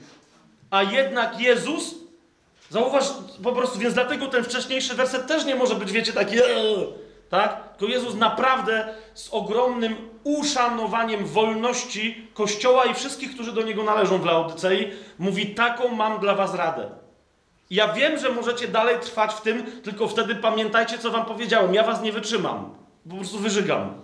Pamiętajcie o tym, co powiedziałem. Ale wasz wybór. Zauważcie. Radzę ci. I tu są te trzy przemysły, o których mówiłem. Radzę ci kupić u mnie złota wypróbowanego w ogniu, abyś się wzbogacił. Białe szaty, abyś się ubrał i żeby nie ujawniła się hańba twojej nagości, a swoje oczy namaść maścią, żebyś widział. Zauwa- widzicie, to, dlatego powiedziałem, że to, to jest naprawdę recenzja tego kościoła, taka prawdziwa. Zauważcie, jak się kończy 17 werset. Jesteś y, biedny, ślepy i nagi. Więc mówi, mam dla ciebie radę, żebyś się naprawdę wzbogacił, a nie tylko sobie wmawiał, że się wzbogaciłeś, kup u mnie złota. Żebyś nie łaził goły, kup sobie u mnie szaty. Tak? A żebyś zobaczył, że naprawdę rozumiesz, co się wtedy dzieje, żebyś zobaczył, że złoto jest złotem, a szaty są białe, weź sobie kup maść, żebyś przejrzał. Bo jest cudowna maść, którą jak nasmarujesz oczy, to przejrzysz. I kończy Pan Jezus, jeszcze- raz zauważcie, że jeżeli w takim duchu, a w takim duchu Jezus tu mówi, to też zauważcie, jak często i jak gęsto wielu kaznodziejów, w wielu nauczaniach, my nawet być może przeginamy w twierdzeniu, co Pan Jezus tutaj miał na myśli, kiedy w 19 wersecie powiedział: Ja wszystkich, których miłuję, strofuję i karcę. Tak? Jeszcze raz, zauważ, od początku Jezus nie jest kimś, kto chce nas wypluć, kto chce w nas mm, wzbudzić poczucie winy i potem jeszcze powiedzieć nam albo zrobisz to i to, albo masz w czapę. Nie, tu mówi zupełnie ktoś inny, więc zrozum, że także tutaj Jezus nie mówi, a zatem dorwę cię i tak cię stukę, że się wreszcie poprawisz. On tu ma zupełnie coś innego na myśli. Ja wszystkich, których miłuję, strofuję i karcę. Bądź więc gorliwy i pokutuj. Widzicie, wiele mamy nauczania wciąż w kościołach, w kościele o gorliwości i o pokucie. O pokucie i wynikającej z tej pokuty gorliwości. Ludzie tam różne historie sobie wymyślają. Ale, ale Jezus mówi: bądź więc gorliwy i pokutuj. W czym? W tym kupowaniu sobie, bo to jest jego rada, tak? On ci nie odwołuje, to nie tworzy kolejnej abstrakcji, tylko mówi: bądź gorliwy w tym kupowaniu sobie u mnie złota w ogniu oczyszczonego, w zdobyciu szaty białej, która odzieje twoją nagość i w leczeniu swojej ślepoty. A to, rozumiesz, będzie twoją pokutą i to przyniesie owoce, zobaczysz, tak? Teraz oczywiście niektórzy o tym, wielu o tym wie, ale też zaczynają sobie kombinować, cóż to jest to złoto, cóż to jest ta biała szata i cóż to jest ta maść na oczy, żeby widzieć. Wychodząc z jakiegoś zdumiewającego założenia, nie wiem, czy ktoś z Was ma może tysiąc latkę tutaj przy sobie. M- ma ktoś? Tak. Yy, przeczytaj, jak się zaczyna. Yy, a nie, to jest Juda, co ja otworzyłem. Yy, jak się za... Pierwszy rozdział? Objawienia? Tak.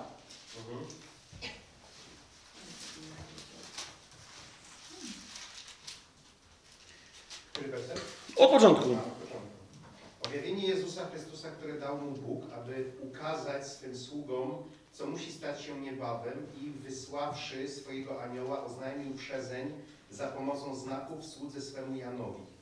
Ten poświadcza, że Słowem Bożym i świadectwem Jezusa Chrystusa jest wszystko, co widział. Błogosławiony, który odczytuje i którzy słuchają słów proroctwa, a strzegą tego, Jesz, je, je, jesz, o, wystarczy. Je, jeszcze raz tam, gdzie są te znaki, bo y, tu zaczytałem się i nie przerwałem we właściwym momencie. E, Ten poświadcza, że Słowem Bożym i świadectwem Jezusa Chrystusa. Nie, nie, prze, od, od początku jeszcze raz przeczytaj. Bo, bo, bo zauważcie, je- jeszcze raz zauważcie, co tu jest powiedziane y, na temat tej księgi, że co to jest ta księga.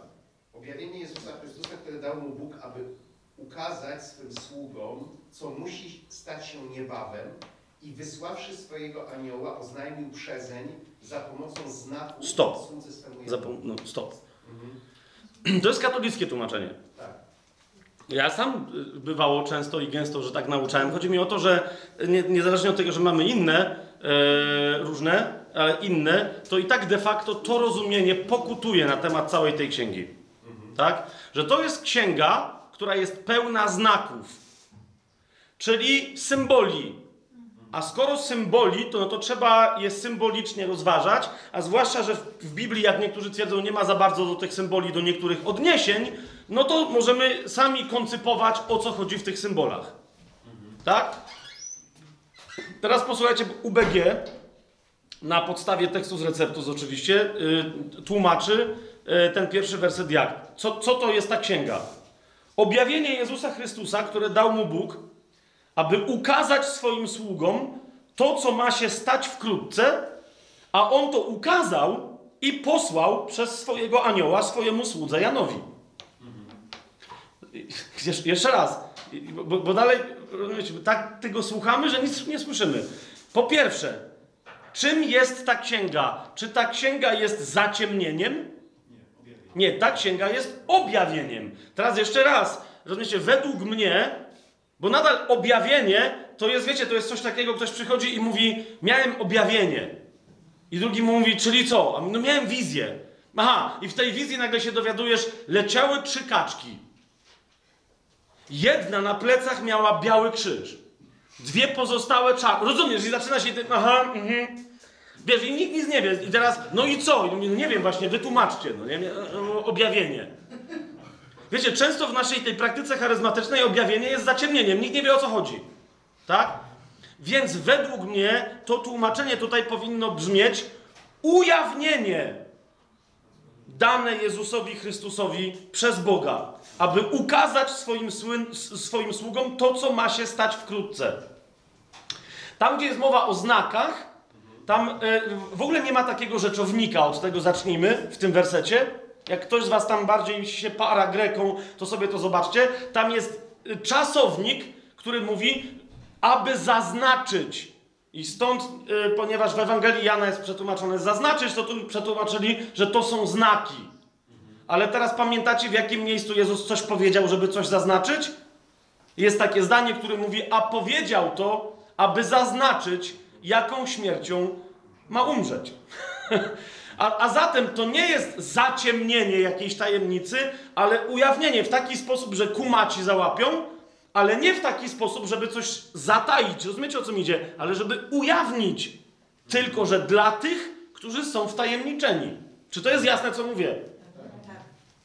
Zatem, zatem, kochani, jeżeli, jeżeli e, gdziekolwiek w Księdze Objawienia pojawia się coś, co mówicie, mmm, to jest jakieś dziwne, nie wierzcie mi na słowo, ale wierzcie Bożemu Słowu.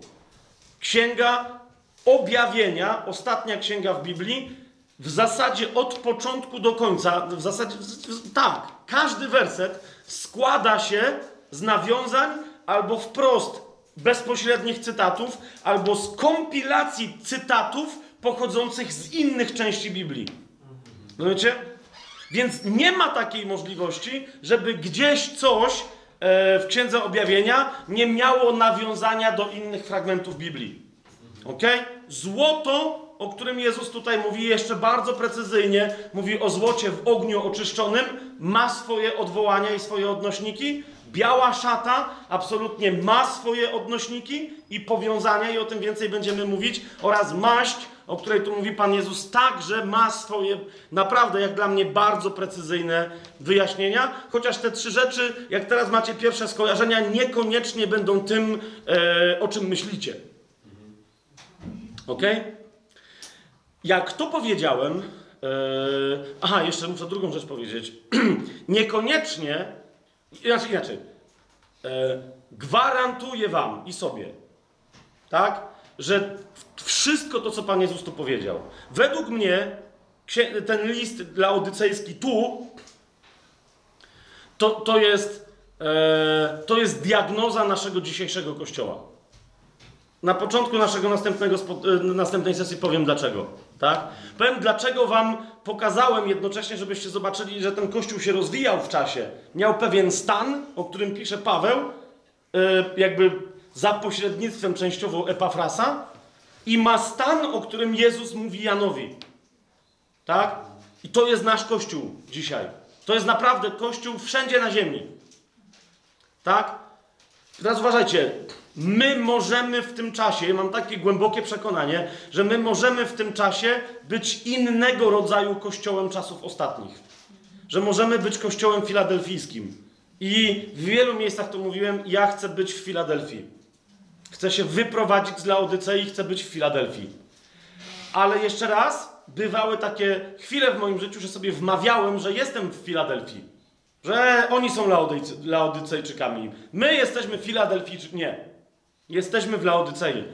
Ktoś, kto chce się znaleźć w Filadelfii, myślę, że musi się po prostu najpierw pogodzić z Laodyceą w swoim sercu, z Laodyceą w swojej wspólnocie, z Laodyceą w swoim kościele, z Laodyceją w swoim regionie, żeby móc, wykonując według mnie trzy konkretne kroki, trafić do Filadelfii. Te trzy kroki to są te, to jest złoto, to jest biała szata e, i, to jest maść na oczy. E, dlaczego uważam, że tak jest? Że to jest diagnoza dla nas dzisiaj? To jeszcze o tym też sobie powiemy za, w, na, w następnej sesji. E, no i rozwiniemy te, te, te trzy tematy. Wiem, że macie gorące serca, wiem, że Duch Święty, niezależnie od tego, jakie są okoliczności życiowe, jak tu dzisiaj siedzisz, to, to pracuje z Tobą, żeby było radością dla Ciebie odkrycie pr- prawdopodobnie kolejny raz w swoim życiu tych oczywistych, zdawałoby się, prawd. Ale jednocześnie wiem, ale jednocześnie wiem, e, że może to być dla Twojego serca, e, mm, dla, dla Twojej duszy, mm, a- na pewno dla ciała może to być bolesne i może się zacząć walka, tak? No ale, no ale niech ona się zacznie, żebyśmy podjęli decyzję, czy chcemy być zimni, czy gorący. Bo na pewno nikt, kto tu siedzi, nie chce być wyżygany z Jezusowych ust.